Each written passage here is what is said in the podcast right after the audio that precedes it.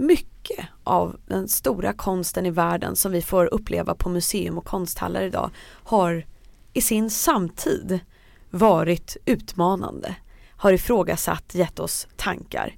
Och vi vet att partier eh, som haft en eh, ideologi av inskränkthet eller där man är fascister eller nationalister har eh, velat förbjuda, velat stoppa, velat bränna eh, den konsten som ifrågasätter deras styrning. Du lyssnar på Samhällsvetarpodden med mig Ursula Berge. Idag ska vi prata om hoten mot den fria kulturen. Bara för att vädret är galet så måste inte politiken vara det. Om vi får bestämma så kommer alla utvisas. Det här är ett styrkebesked för den svenska modellen. Blir det krig i Sverige så tror jag vi alla skulle vilja se en samlingsregering. You look at what's happening last night in Sweden. Who would believe this? Sweden! Hej och välkomna till Samhällsvetarpodden som leds av mig, Ursula Berge, samhällspolitisk chef på Akademikerförbundet SSR. Vår gäst idag är Laven Redar som är riksdagsledamot och kulturtalesperson för Socialdemokraterna. Välkommen Laven! Tack så mycket! Sverige har karaktäriserats av att vi satsar offentliga medel på kultur såväl från kommuner som regioner och nationellt. Till det kommer den nationella mediepolitiken med public service som flaggskepp. Men hur skulle du beskriva den kultur och mediepolitik vi har haft hittills i Sverige? Mm. Kulturpolitiken är ett ganska komplext område om man får uttrycka det så för det innefattar också idrotten, spelpolitiken, civilsamhällesfrågor, folkbildningen. Det är väldigt många olika frågor men man kan väl säga så att innan 1974 så var kulturpolitiken en del av utbildningspolitiken. Handlade mycket om folkbildningen och folkhögskolornas finansiering men också kulturarvet, det vill säga kyrkopolitiken. Men efter ett tag så insåg man att det här området behöver nog bli ett eget politikområde och så satte man igång med en stor statlig offentlig utredning 1972 på initiativ av Bengt Göransson. Men han bjöd in alla riksdagens partier till att samtala om det här. Och man landar i att man kommer att behöva ha ett politikområde som heter just kulturpolitik och där kulturarvet ska ingå, där idrottspolitiken ska ingå, ungdomspolitiken ska ingå, men också konstarterna, teater, film, musik. Eh, och att det här behöver någon form av nationell målstyrning, man behöver titta på metoder och effekter, men framförallt med insikten att det här ska också gemensamt betalas för att det är en del av välfärden. Så efter 1974 då utredningen blev klar så instiftade man området kulturpolitik och sen genererade det ett eget utskott i riksdagen.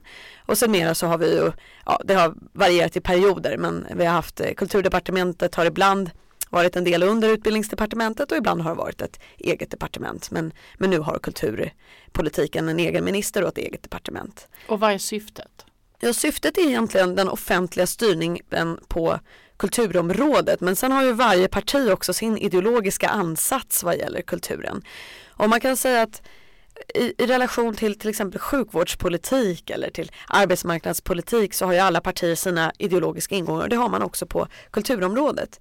Kulturområdet tycker jag och mitt parti är en del av den jämlikhetssträvan som vårt parti har och det handlar mycket om människans tillgång till läsning, språk och bildning. Att navigera sig i samhället och få den egenmakt det krävs för att kunna göra det.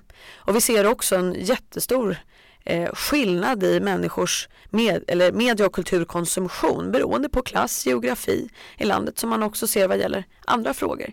Så vi använder kulturpolitiken för att stimulera Ja, särskilt då, vi har liksom nationella mål på det här området, men stimulera barn och ungas kulturutövande, att man ska få tillgång till eh, språk, läsande, eh, också teater, konst och musik. Eh, men vi befinner oss just nu i ett landskap där kulturen har blivit tillgänglig för allt och alla. Så var det ju inte förr. Genom digitaliseringen, globaliseringen och teknikutvecklingen så vet vi också att alla kan via en eh, smartphone liksom ta del av musik, tankar, litteratur.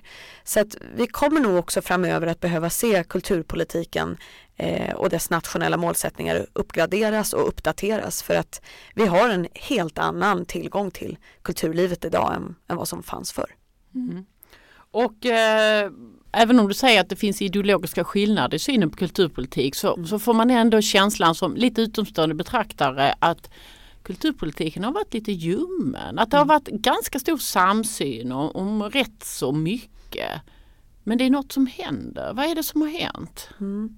Jag klev in eh, i kulturpolitiken för ett år sedan och har känt mig så otroligt glad över det. Eh, dels för att det här handlar ju om politikutveckling för att låta människor få utvecklas. Alltså när man inte arbetar, när man inte är i skolan, vad gör man då? Man är kanske med dem man håller nära och kärt och man kanske går på aktiviteter, museum, man eh, går till biblioteket, man läser böcker, man gör annat.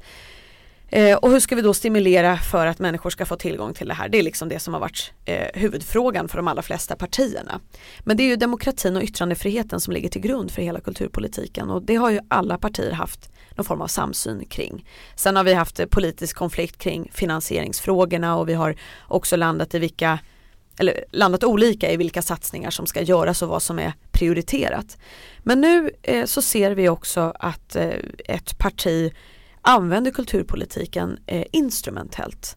Det vill säga att eh, en väldigt viktig princip som har växt fram i kulturpolitiken, bara genom praxis faktiskt, att man, att man kan styra kulturpolitiken på så sätt att vi eh, vi bidrar till reformer, vi lägger statlig finansiering på, på det ena men vi säger inte vad det är som ska göras. Det måste liksom konstnärerna och journalisterna och alla inom det här området själva få kunna eh, producera, det är en del av deras yttrandefrihet. De får statligt stöd men vi skulle aldrig lägga oss i vad en konstnär målar exempelvis. Eller säga att det här får inte finnas i det offentliga.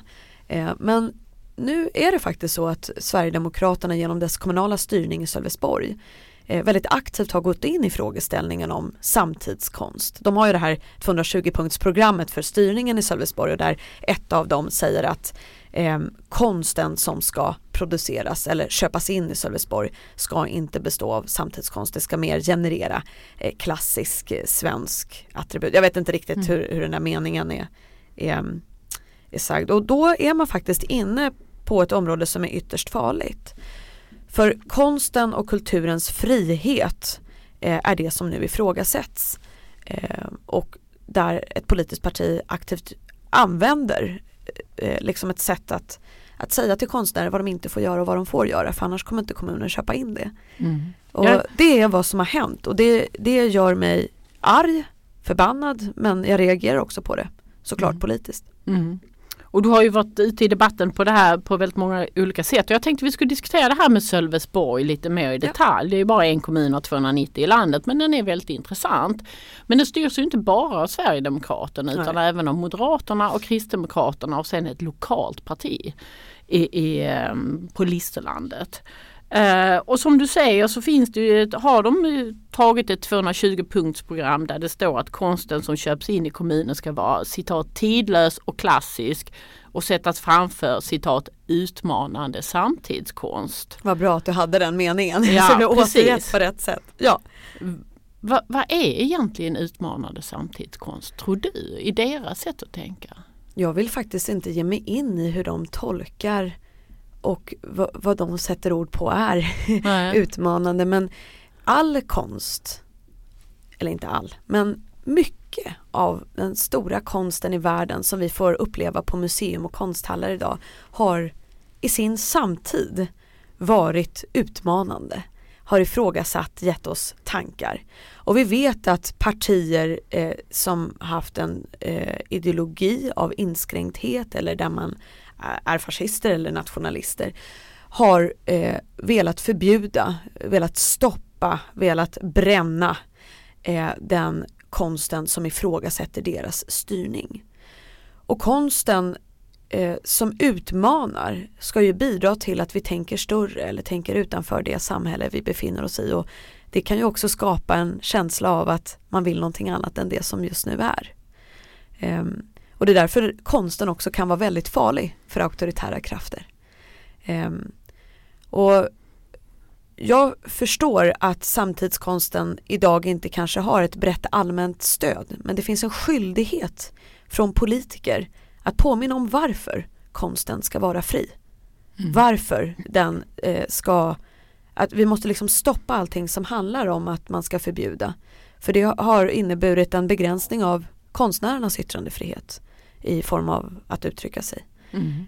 Um, Så att jag, att Sverige, det land som har ett av de starkaste yttrandefrihetsgrundlagarna i hela Europa, eh, som bygger på en stark tradition av att, ja, framförallt så var det ju tidningsutgivarnas möjligheter att kunna få i tryck kritisera och, och eh, återberätta eh, sina reflektioner över samhället eh, har ju också liksom varit grunden för kulturpolitiken i Sverige.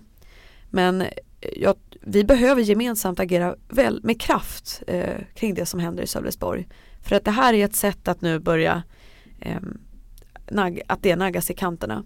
Och när det kommer till uttryck på, på det här tydliga sättet eh, så vet vi ju vad det är som pågår. Och under gårdagen kunde jag också ta del av på nyheterna att eh, kulturchefen i Sölvesborg har lämnat sitt uppdrag mm. eh, och klarar inte av att eh, bedriva verksamhet för att kulturområdet instrumentaliseras på det här allvarliga mm. sättet. Eh, ja. Det är allvarligt.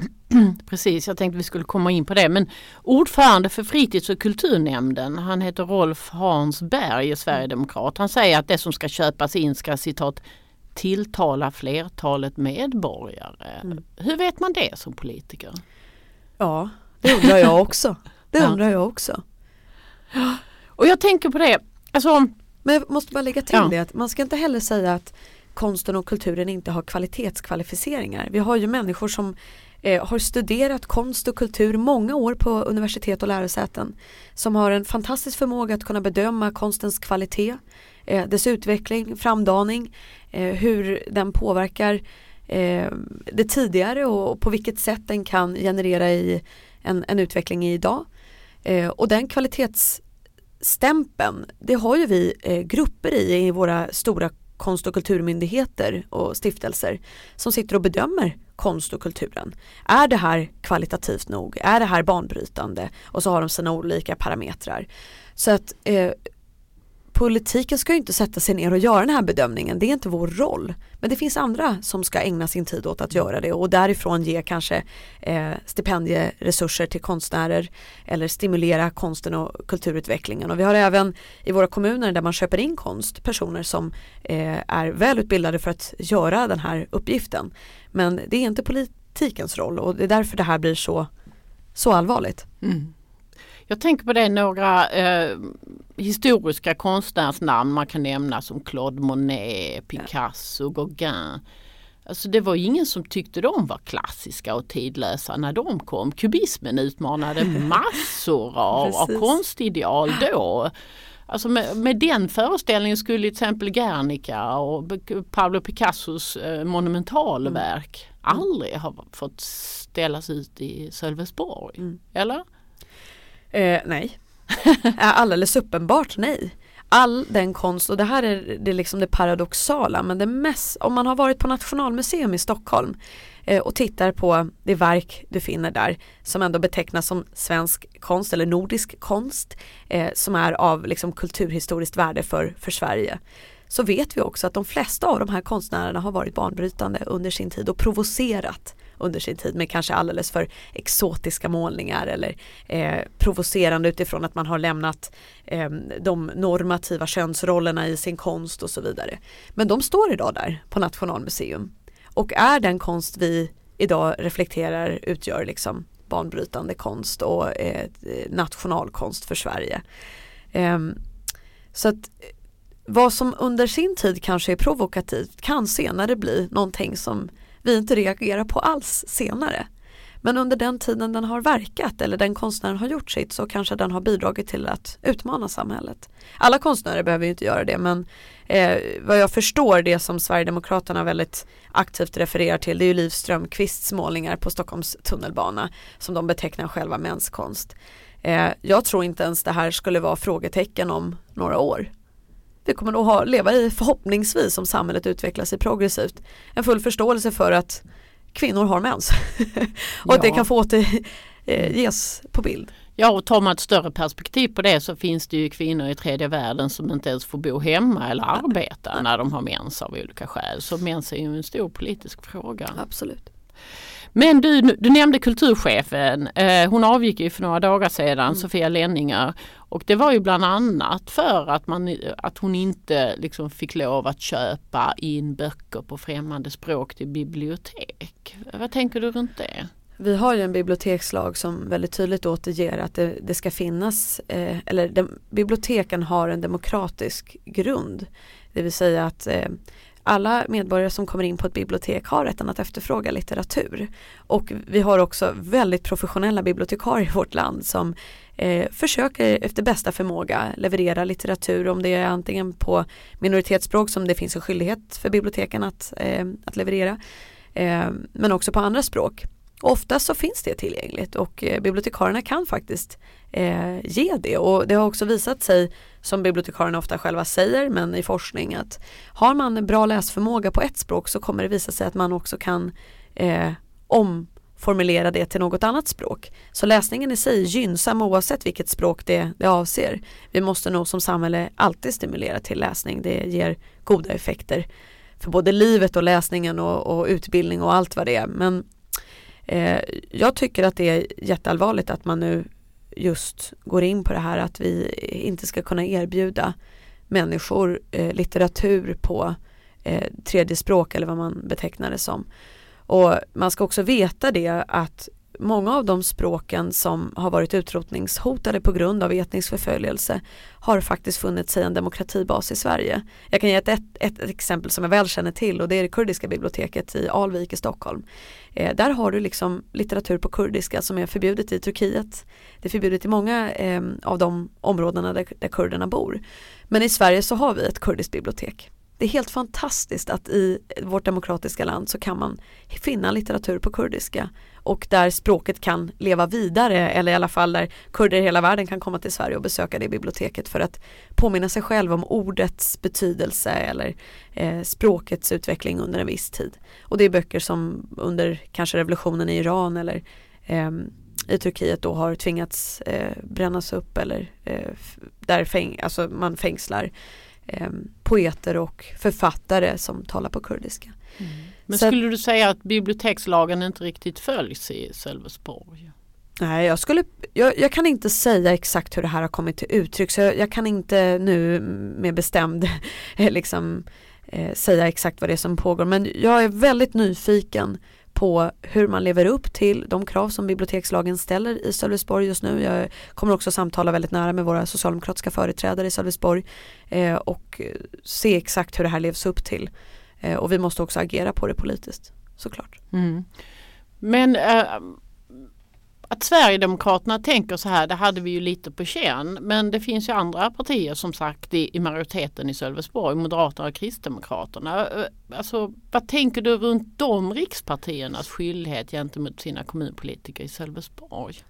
Jag skrev faktiskt en debattartikel om det eh, på Aftonbladet för en, två, tre veckor sedan att jag är väldigt förvånad över den tystnad som Moderaterna och Kristdemokraterna uppvisar. Jag får väldigt sällan replik på den här typen av frågeställningar till dem. Eh, många gånger har de försökt lyfta fram det kommunala självstyret som ett sätt att frångå diskussionen. Men jag kan inte föreställa mig att eh, ett socialdemokratiskt parti skulle sitta i någon kommun och genomföra dessa utan att ta ansvar för det. Förmodligen hade det genererat i att man hade sparkat sina kommunala företrädare eller partiet i stort hade agerat.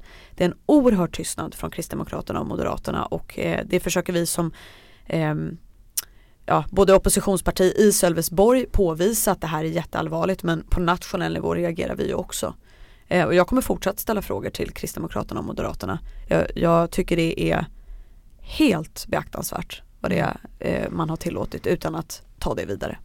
Men jag tänker att kommunala självstyrelsen handlar ju om kommunernas autonomi gentemot staten. Ja. Alltså riksdagspartier och kommunpartier omfattas ju inte av kommunala självstyret. Alltså, Exakt, exakt. Jag bara berättar hur de, jag blev ju hur lite, de försvarar. Alltså, nu blir jag jättemycket statsvetare här och känner att man, ja. Nej, precis. Nej, men det blir lite som att man på nationell nivå vill distansera sig från de kommunala företrädarna. Mm.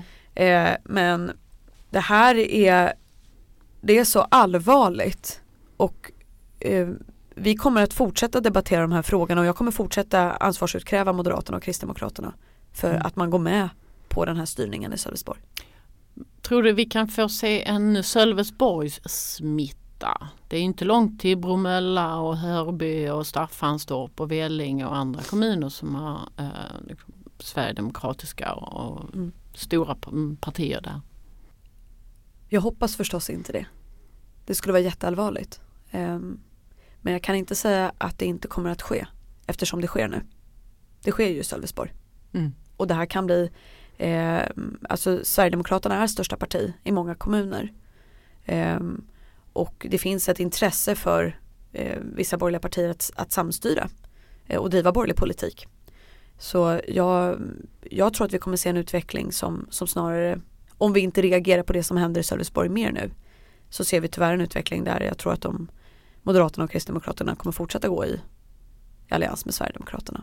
Jag Mm. befarar att det, det kan vara så. Mm. Och där finns det en riksdimension också. Jag tänkte gå in på det Ja. andra stora benet i kulturpolitiken, det vill säga mediepolitiken. Ja, Eh, och vi lever ju i en lite speciell tid vad det gäller det också. när Don- när Ja. Donald Trump kom så blev det plötsligt okej att prata om fake news och alternativa fakta och faktaresistensens. Mm. Det var plötsligt okej att ha sin egen definition på sant och falskt och, och, och forskningen ifrågasätts och så vidare på ett sätt som, som inte var riktigt baserat på den kunskap vi har. Vad tänker du eh, runt oberoende medias roll just nu i världen och kanske Sverige? Var är vi? ja, i världen så är vi, beroende på vilket land man talar om förstås, och vilken, styr, alltså vilken styrning det landet har. Eh, för vi, om vi ska prata om Ungern och Polen, eh, Polen framförallt där jag har vänner som är journalister, eh, de kan ju inte arbeta under public service längre för det är statsmedia, det är vad det har kommit att omvandlas till. Lag och rättvisa partiet styr alltså public service där, vilket gör att alla som har agerat som oberoende journalister inte idag har en anställning kvar på, på det som tidigare har varit public service, alltså media i allmänhetens tjänst. Eh, talar vi om USA så, och världen i stort så tänker jag så här, de penseldragen man, man ska ha med sig vad gäller mediapolitiken det är ju framförallt att det här är en marknad som har globaliserats, teknikutvecklats och digitaliserats i större omfattning än någon annan bransch. Eh, och det gör att eh, medieproducenterna är väsentligen fler än vad de har varit de senaste decennierna. Och det gör också så att data, eh, information eh, nås ut till mediekonsumenter på ett sätt som gör att det är väldigt svårt att navigera i, i det som sen ska vara en slutsats. Vad är fakta av den information jag har fått just nu? Eh, och det här ser vi också i media, alltså mediekonsumtionen bland även svenska medieaktörer eller mediekonsumenter. Man, mycket av den mediekonsumtion som görs av svenska hushåll eh, kommer från de stora nätverksplattformarna, eh, det vill säga Amazon, Google, eh, ja, Facebook och så vidare. Eh, men de producerar ju inte nyheter eller journalistik utan eh, där kan man klicka sig fram för att hitta information på något sätt. Men den informationen vet vi ju inte alltid om den är från någon hemsida där du har oberoende journalistik eller om det är politiskt påverkad eh, information som man får ta del av och att sålla i det där har blivit för mediekonsumenter mycket, mycket svårare idag. Samtidigt som det är fantastiskt med en ökad kommunikation så vi, vi måste hitta ett sätt att navigera i det här. Men det har också gjort eh, allt detta, eh, vad säger man, mediaproduktion har gjort att det är mycket, mycket lättare att skapa desinformation och det ser vi ju inte minst då i det amerikanska valet men även i, i flertalet av eh, de kommande valen även i Europa där auktoritära krafter också tar nytta av detta. Och om vi då går till en svensk kontext så eh, kommer oberoende medier att bli än viktigare. För eh, det finns en tidigare konflikt, kanske 60-70-tal, som har handlat om public service marknadsandelar i relation till svenska kommersiella medier. Jag skulle vilja påstå att den konflikten är nästan utagera, nästan utagerad idag för att konflikten idag handlar snarare om att de globala aktörerna slår ut svenska medier vare sig de är kommersiella eller public service eh, liksom andelar på marknaden. Eh, och de slår ut på så sätt att de tar över annonsintäkterna som har finansierat eh, tidigare tidning och kvalitetsjournalistik i tidningarna. Vissa eh, aktörer på svensk mediemarknad har klarat sig för att de har hittat andra sätt att finansiera sig på. Inte minst då Schibsted eh, som har till exempel Blocket. Eller så här. Man måste jobba på ett annat kreativt sätt. Vissa har också har jobbat så hårt med sin kvalitetsjournalistik att mediekonsumenterna faktiskt köper digitala tjänsterna då.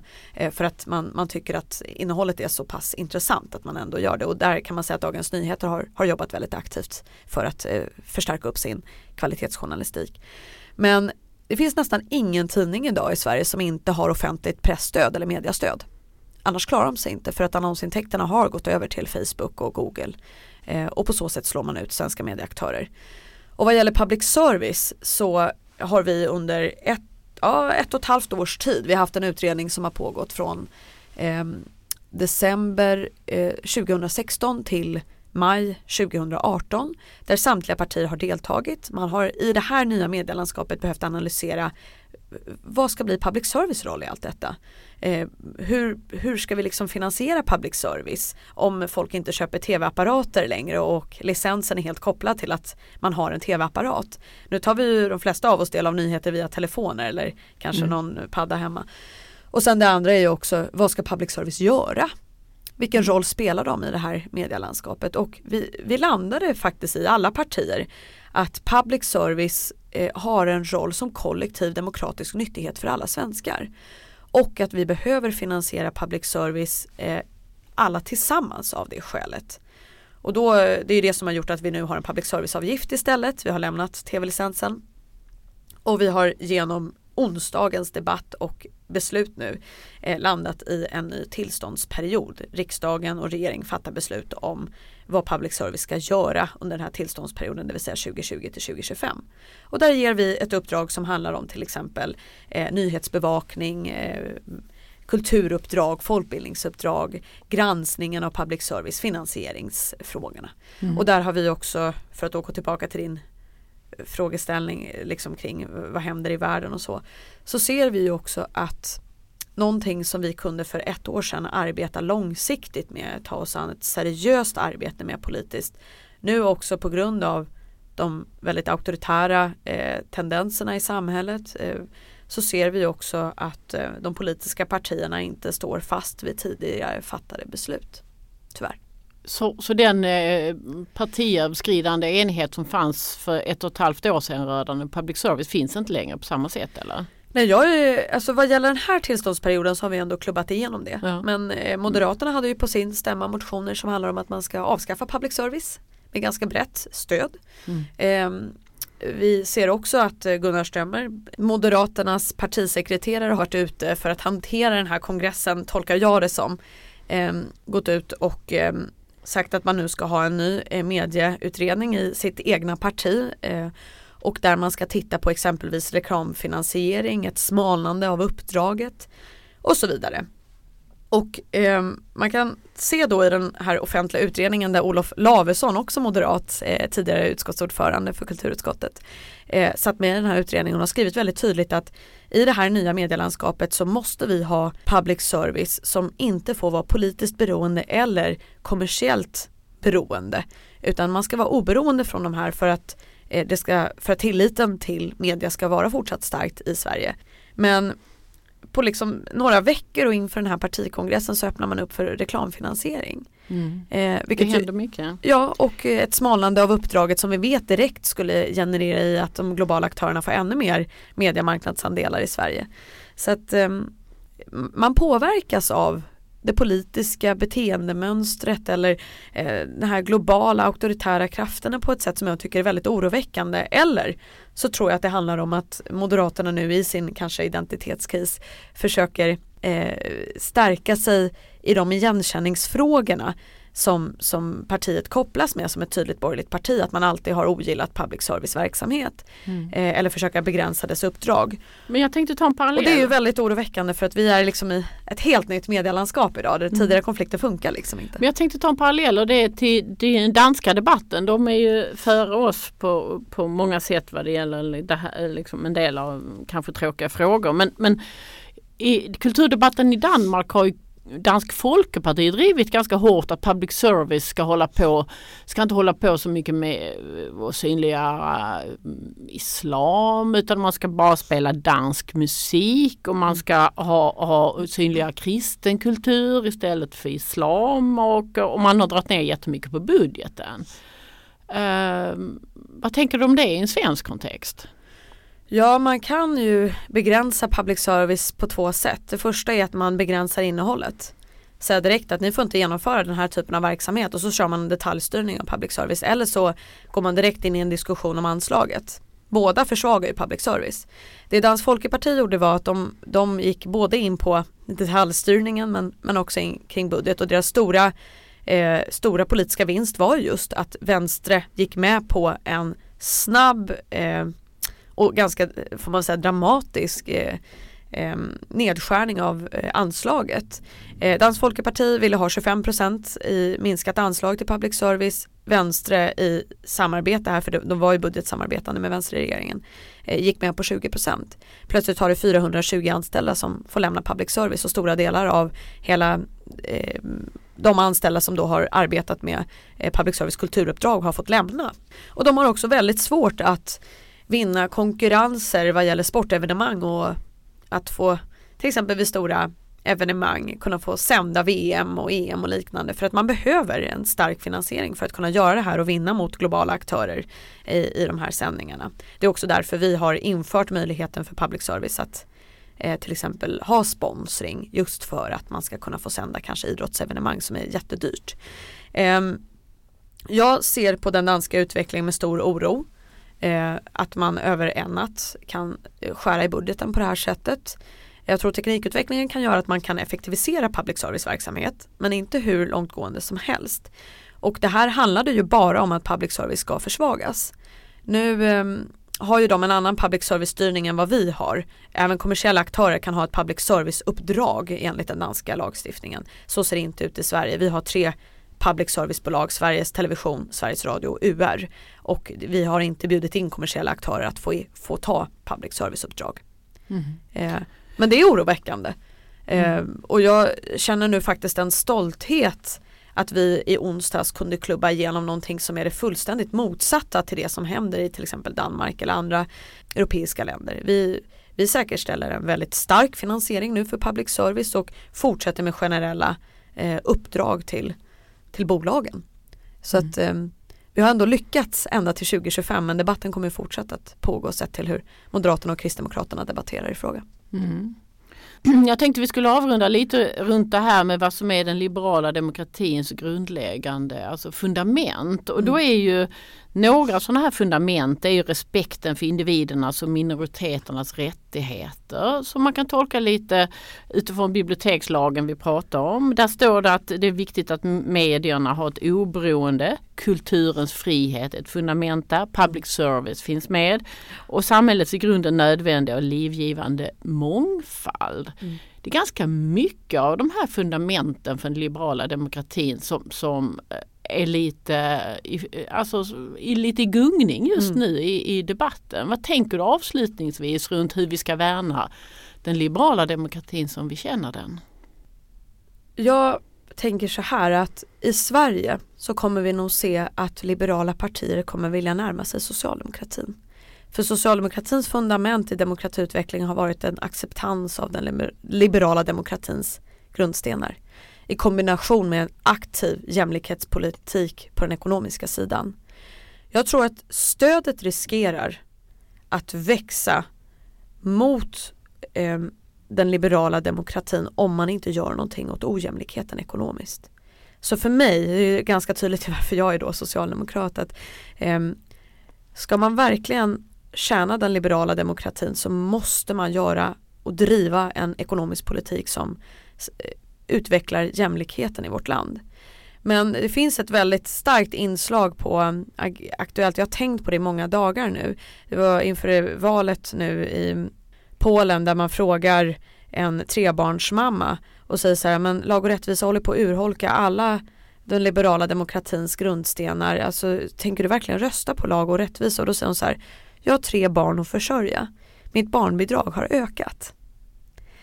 Det är klart att jag kommer välja det partiet som, eh, som garanterar mig att jag har mat på bordet, tak över huvudet och att mina barn får en bra uppväxt ekonomiskt. Och det är det här jag tror är liksom egentligen kärnan. Jag tror så oerhört starkt på den liberala demokratin. Alla samhällen som inte har en liberal demokrati som grund kommer inte heller att leva upp till mänskliga fri och rättigheter, minoritetsskyddet eller på något sätt en vital debatt och yttrandefrihet. För den begränsas eller urholkas på sikt. Men för att kunna tjäna den liberala demokratin så måste vi politiskt också jobba aktivt för ekonomisk jämlikhet.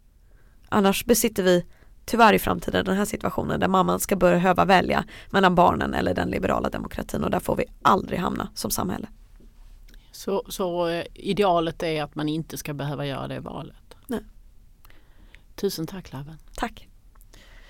Det var allt från Samhällsvetarpodden den här veckan. Samhällsvetarpodden görs varannan vecka och fångar upp stora samhällspolitiska frågor, helst med facklig twist. Du hittar oss där du hittar andra podcasts. Samhällsvetarpodden görs av Akademikerförbundet SSR, Sveriges ledande samhällsvetarförbund.